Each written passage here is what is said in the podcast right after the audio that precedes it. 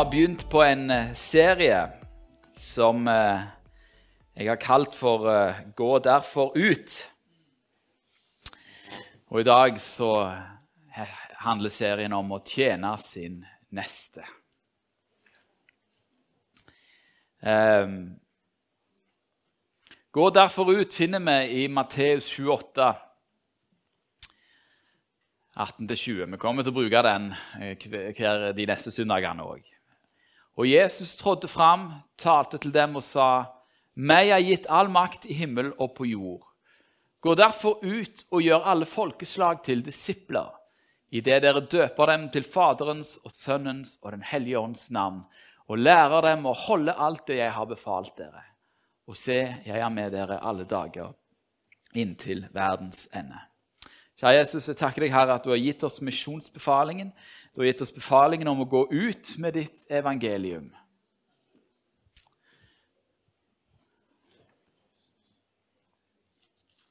Du har befalt oss å eh, ta ditt ord og ta ditt rike og føre det fram. Amen. Det som dere ser her er at det står 'Gå derfor ut og gjør alle folkeslag til disipler'. Og Det er jo det vi på en måte snakker om her, måter vi gjør det på. Eh, vi snakket forrige gang om hvordan vi skal elske hverandre og elske alle. Eh, og det som vi skal snakke om i dag, eh, er ikke noe motsatt av det. Det er egentlig bare en konsekvens av det. Det å da ta steget ut ut av komfortsonen, ut av våre vante vaner og rytmer, for å gjøre alle folkeslag til disipler. Det skjer da på forskjellige måter. Og En av de måtene det skjer på, er når vi tjener vår neste. Kjærlighet og tjeneste det er noe som går hånd i hanske i Guds rike. Det ene fører til det andre. Et annet bibelvers som vi brukte forrige gang, var dette Galaterbrevet 5, 13-14. For dere ble kalt til frihet, brødre. La bare ikke friheten bli et påskudd for kjødet, men tjen hverandre. Kan alle si 'tjen hverandre' i kjærlighet? Ja. For hele loven er oppfylt i ett bud i dette du skal elske det neste som deg selv. Så både tjeneste og kjærlighet er knytta sammen. Eh, og eh, nå er det jo sånn at Paulus advarer oss om å tjene uten kjærlighet. For det går òg an å tjene for å bli sett og for å, for å føle seg bra. Men her snakker det om å tjene i kjærlighet. Det er kjærligheten som vi har til vår neste, som driver oss til tjeneste. Det driver oss til tjeneste. Johannes han er jo en av disse som eh, virkelig setter dette her i, i, eh, i skvisen for oss. Um, I 1. Johannes 3, 16-18 sier han at eh, på dette har vi lært kjærligheten å kjenne, at han, altså Jesus, satte livet til for oss. For, og derfor også vi skylder å sette livet til for brødrene, for hverandre. Men den som har jordisk gods og ser sin bror lide nød, og likevel lukker sitt hjerte for ham, hvordan kan kjærligheten til Gud bli værende i ham? Mine barn, la oss ikke elske med ord eller tunge, men i gjerning og sannhet. Vet, eh, det, det, var noen vers som jeg gjerne skulle ha leida fram, som jeg kom på mens jeg satt her. Men Jesus han forteller en lignelse Uh, om uh, en far som gir sine to sønner er det vel, eller gir sine to, jo, han gir sine to sønner befaling om å gå ut på marken og, og gjøre noe for ham, og jobbe for ham. Den ene sier 'Ja, det vil jeg gjøre', men han gjør det ikke. Den andre sier 'Nei, jeg vil ikke', Men etterpå så angrer han seg og gjør det. Og hvem av disse er det som får lønnen? Hvem av disse er den rettferdige? Jo, det er han som gjør det. Fordi den første som sa at han ville gjøre det, han fulgte ikke opp i handling. Det var bare ord. Det var bare ord. Mens den andre han, han ville jo egentlig ikke. Så gjorde han det likevel, for han fikk dårlig samvittighet. Han var i hvert fall ærlig hele veien.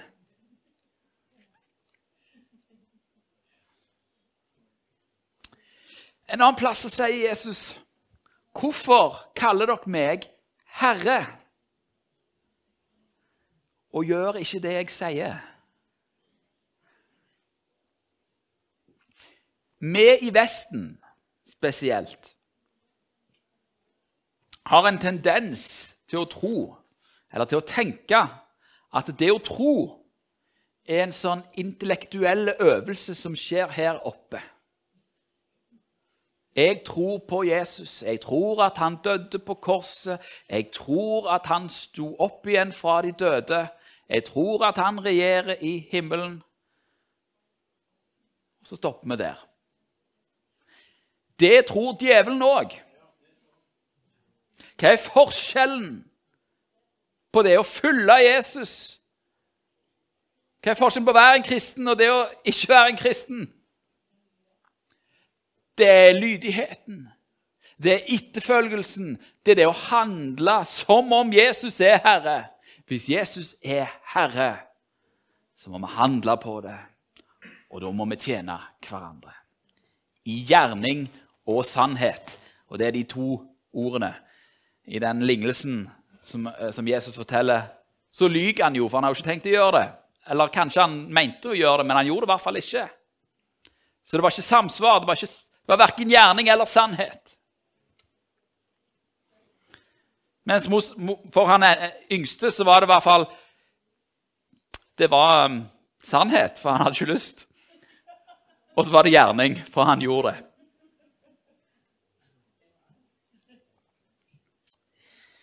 Det Johannes beskriver her, dette med å elske gjerning og sannhet, det er det jeg, jeg kaller det for å leve evangeliet. Å leve det. Og, og En måte å forkynne evangeliet på er å leve det. Faktisk er det sånn at Hvis du ikke lever evangeliet, så er det ingen som bryr seg om hva du forkynner. Det må være, noe, det må være samsvar.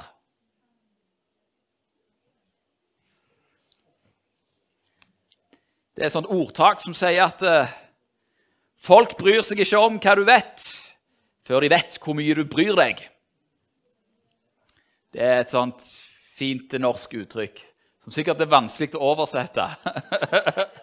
stakkars, stakkars Anne. Um, men folk bryr seg ikke hvor mye du vet, før de vet hvor mye du bryr deg.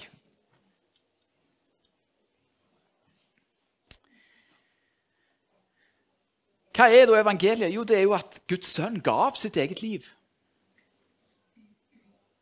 for å sette oss, for at vi skulle få leve. Gud har betalt gjelda som vi skyldte.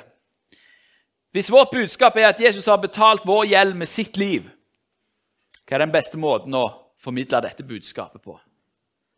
Det går gå og slett litt gjeld rundt forbi. Gi det du har. Tjen din neste. For kjærlighet er ikke bare ord, det er handling. Det er noe som snakker om kjærlighetsspråk, at vi har litt sånn forskjellige kjærlighetsspråk. Noen blir veldig overbevist av fine ord, mens andre blir overbevist av handling. Og best er det hvis vi har alt i sammen. Hvis du vil forkynne evangeliet Lev det. Matteus han sier i Matteus 20, 25-28 Jesus kalte dem til seg og sa, 'Dere vet at fyrstene hersker over folkene sine, og stormennene deres har makt over dem. Slik skal det ikke være blant dere. Men den som vil være stor blant dere, han skal være de andres tjener. Og den som vil være den første blant dere, skal være de andres trell. Likesom menneskesønnen ikke er kommet for å la seg tjene, men for selv å tjene og gi sitt liv til løsepenge i manges sted. Du vet, eh, Dette her er spesielt mynta på sånne som meg, som står her oppe, og som har en lederposisjon i menigheten. Det er dette som er utfordringen. Hvis jeg, hvis jeg, vil være først i Guds rike, så må jeg være alles tjener. Da må jeg være villig til å, til å gå den ekstra mila. Eller i dette tilfellet kjøre den ekstra mila, som det er fra Nærbø til Varhaug. Sant?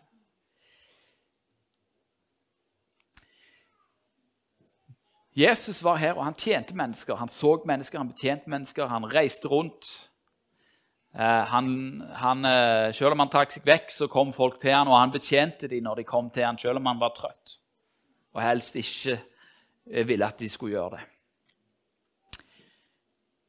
Men Jesus viser og modellerer et annerledes rike. Vi er jo i Guds rike. Og det er et rike der tjeneren er akta høyest. Vi ønsker å leve sånn som Jesus gjorde. Og Jesu liv på jorda det er et liv i tjeneste for andre mennesker. Og Siden vi er kalt til å gå ut i denne verden med evangeliet, er altså de gode nyhetene om dette riket, dette annerledesriket, ja, så må det riket ta bolig i oss òg. Det evangeliet må ta bolig i oss, sånn at vi blir tjenere. Guds sønn er en tjener. Så Vi som er hans barn, må jo òg være tjenere. Det å være barn og tjener i Guds rike det er to sider av samme sak. Vi må være hverandres tjenere og tjenere i verden.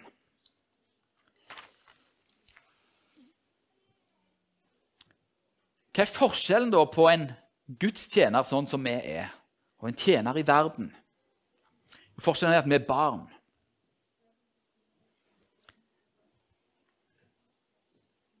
Vi, vi, altså Paulus snakker i romerbrevet om, om, forskjellene på sønnene og trellene. Den store forskjellen på sønnen og trellen er ikke jobben de gjør, men det er identiteten de har. For Guds sønn han kommer jo òg for å tjene. Så vi som er Guds barn, vi tjener jo. Akkurat som tjenerne gjør, så tjener vi. Men hva er forskjellen? Jo, vi er barn. Vi er sønner og døtre. Det er identiteten som er forskjellige.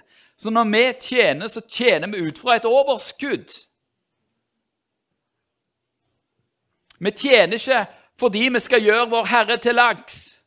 Vi tjener Han fordi vi elsker Han, og fordi Han elsker oss, og fordi Han elsker de rundt oss. Det er den mentaliteten vi må ha rundt dette å tjene. Paulus han hadde forstått dette og levde i dette. Det han sier til korinterne i 2. Korinterbrev 4 og 5 Han sier, 'Vi forkynner ikke oss selv, men, Jesus, men Kristus Jesus som Herre.' 'Oss selv derimot som tjenere for dere, for Jesu skyld.' Det var Paulus sin holdning, og han levde jo i det. Han levde som en tjener. Han jobbet hardt. Hardere enn det jeg gjør. Jeg snakker mye til meg sjøl i dag, kjenner jeg. For jeg, jeg, er lat av natur, ser du. Jeg har ikke lyst til å tjene. Tjene er kjedelig. Det er kjedelig å gjøre jobb. Og spesielt hvis ingen ser på. Jeg er veldig god til å ta imot ordre men når ingen ser på, så har jeg ikke lyst. Jeg, jeg er et menneske. Men det holder ikke. Det holder ikke. Hvis jeg, hvis, jeg, hvis jeg, har kalt Jesus for Herre, så må jeg strekke meg den ekstra mila.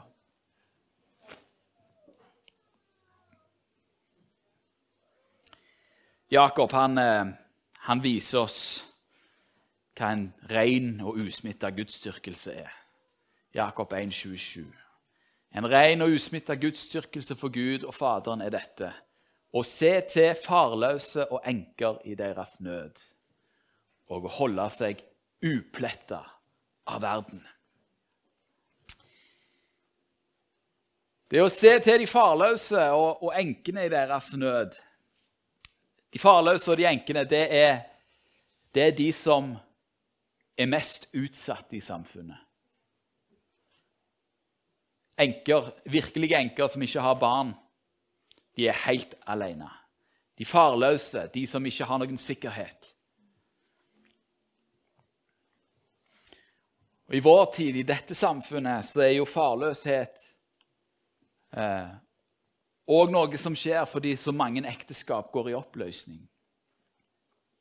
Og barna blir sittende uten far. De er det vi skal se.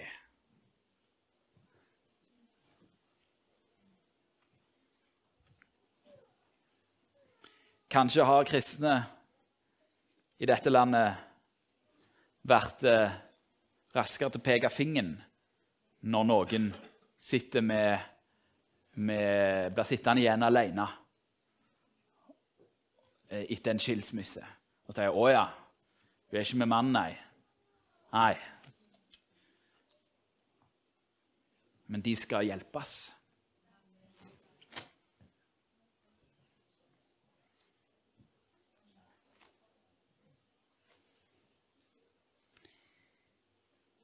De som er de svakeste i samfunnet, det er vi, de er vi kalt til å ta oss av. Hvordan ser tjeneste ut, da? Vi gir jo bare en sånn generelt bilde her. Vel, noe veldig konkret for oss nå er jo dette med kjøring. Og tolking.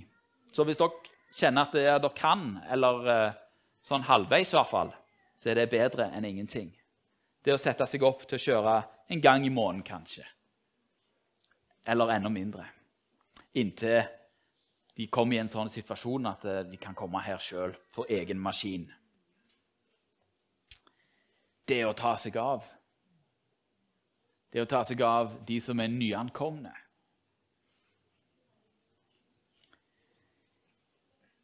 En av de eh, bibelversene jeg eh, misliker mest skremmer meg mest, det er Matteus 25. Men av og til så må vi lese alt. Hele, hele Guds ord. Selv de, selv de delene som er ubehagelige. Jeg skal lese fra vers 31 til 46. Det er ganske mye. Jeg setter ikke alt opp her, men dere kan følge. Jeg skal sette opp noe, så skal jeg snakke litt. Jeg kommer til å stoppe halvveis i dette. Men når menneskesønnen kommer i sin herlighet og alle englene med ham, da skal han sitte på sin herlighetstrone, og alle folkeslag skal samles fremfor ham. Han skal skille dem fra hverandre, like som gjeteren skiller sauene fra geitene. Han skal stille sauene ved sin høyre side og geitene ved sin venstre. Da skal kongen si til dem ved sin høyre side:" Kom hit, dere som er velsignet av min far. Arv det riket som er beredt for dere fra verdens grunnvoll ble lagt. For jeg var sulten, og dere ga meg mat. Jeg var tørst, og dere ga meg å drikke. Jeg var fremmed, og dere tok imot meg. Jeg var naken, og dere kledde meg. Jeg var syk, og dere så til meg. Jeg var i fengsel, og dere kom til meg.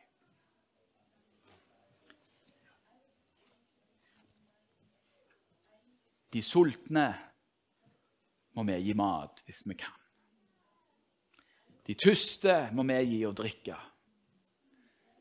De fremmede må vi ta imot. De nakne må vi kle. De syke må vi se til. Og de i fengsel må vi komme til. Dette er de utsatte i samfunnet vårt.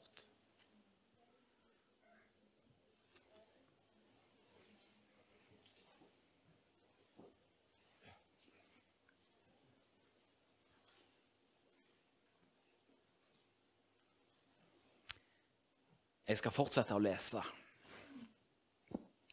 Nå kommer vi til den skremmende delen.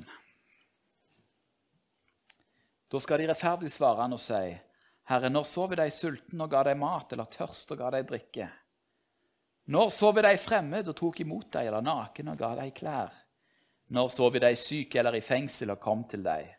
Og kongen skal svare og si til dem, sannelig sier jeg dere, alt dere gjorde mot en av disse mine minste brødre, det gjorde dere mot meg. Jesus identifiserer seg med de svakeste. Så skal han si til dem på venstre side.: Gå bort fra meg, dere som er forbannet, til den evige ild som er beredt for djevelen og englene hans. For jeg var sulten, og dere tok ikke imot meg. Nei, nei, jeg var sulten, og dere ga meg ikke mat. Jeg var tørst, og dere ga meg ikke å drikke. Jeg var fremmed, og dere tok ikke imot meg. Jeg var naken, og dere kledde meg ikke. Jeg var syk og i fengsel, og dere så ikke til meg. Da skal de svare ham, også de, og si, Herre, når så vi deg sulten eller tørst eller fremmed eller naken eller syk eller i fengsel, og tjente deg ikke? Da skal han svare dem og si, Sannelig sier jeg dere, det dere ikke gjorde mot en av disse mine minste, det har dere heller ikke gjort mot meg. Og disse skal gå bort til evig pine, men de rettferdige til evig liv. Au!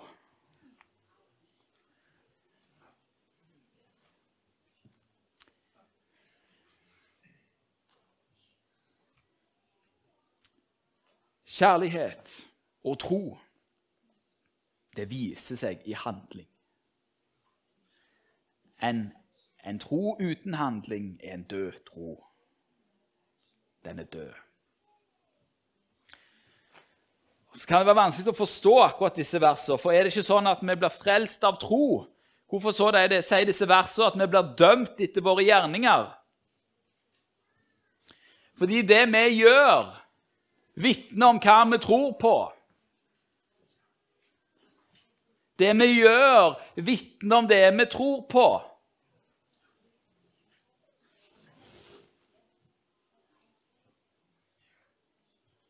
Hvis vi bare kjører vår egen vei og nekter å lufte blikket og se er det noen andre her som trenger hjelp. Oh, jeg tar det til meg sjøl i dag. Det, det, er vondt. Vi har, vi har blitt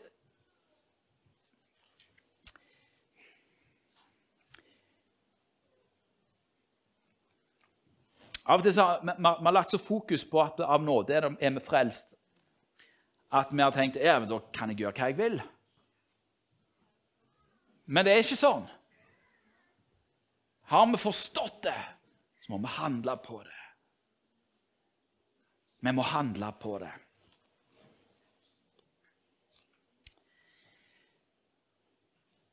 En av favorittversene mine er jo faktisk dette. Efeserbrevet 2, 8-10 som setter disse begrepene nåde og gjerninger i rett forhold til hverandre.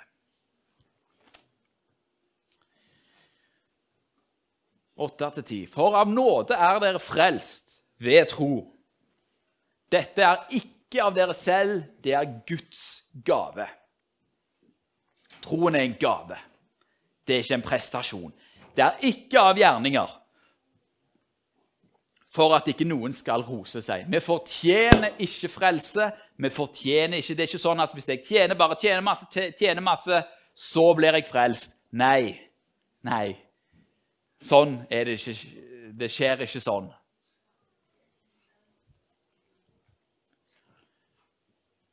Men vi er Hans verk, skapt i Kristus Jesus til gode gjerninger til gode gjerninger, som Gud forut har lagt ferdige for at vi skal vandre i dem. Rekkefølgen er her vesentlig.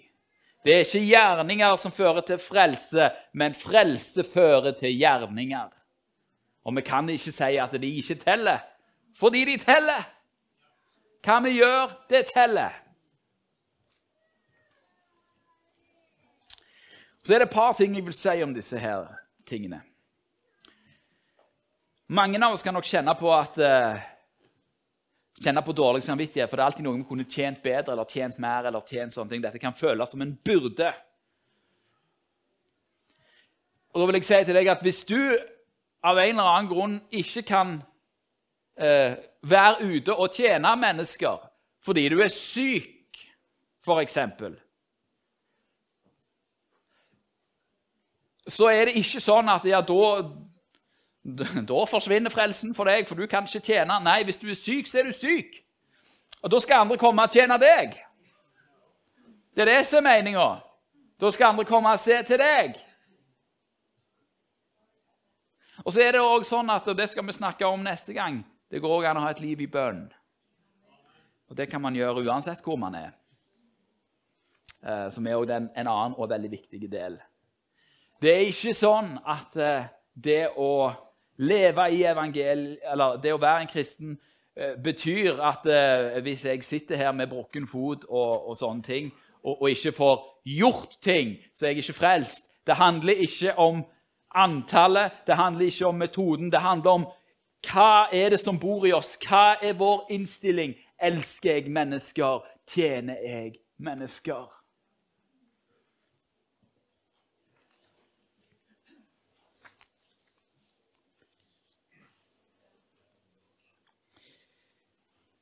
Det var en ting til jeg skulle si med dette, var det ikke det? Eh, hva var det, da?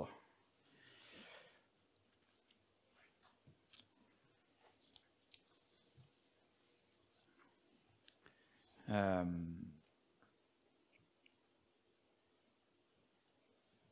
ja, nå, nå, nå glapp det for meg, rett og slett. Jo, hvis du da merker at nei, jeg er jo ikke en sånn en som liker å tjene.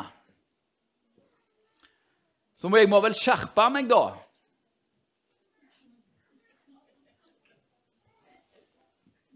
Av og til så må vi det kanskje det. Vi må skjerpe oss, da. Men eh, det er ikke metoden, faktisk.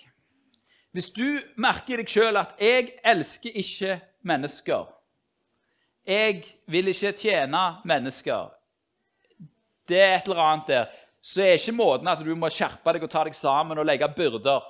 Vet du hva svaret er? Svaret er at du trenger et nytt møte med Jesus. Du trenger et nytt møte med Jesus, sånn at du får oppdage hans kjærlighet. For når du oppdager Jesu Kristi kjærlighet, så kan du ikke la være.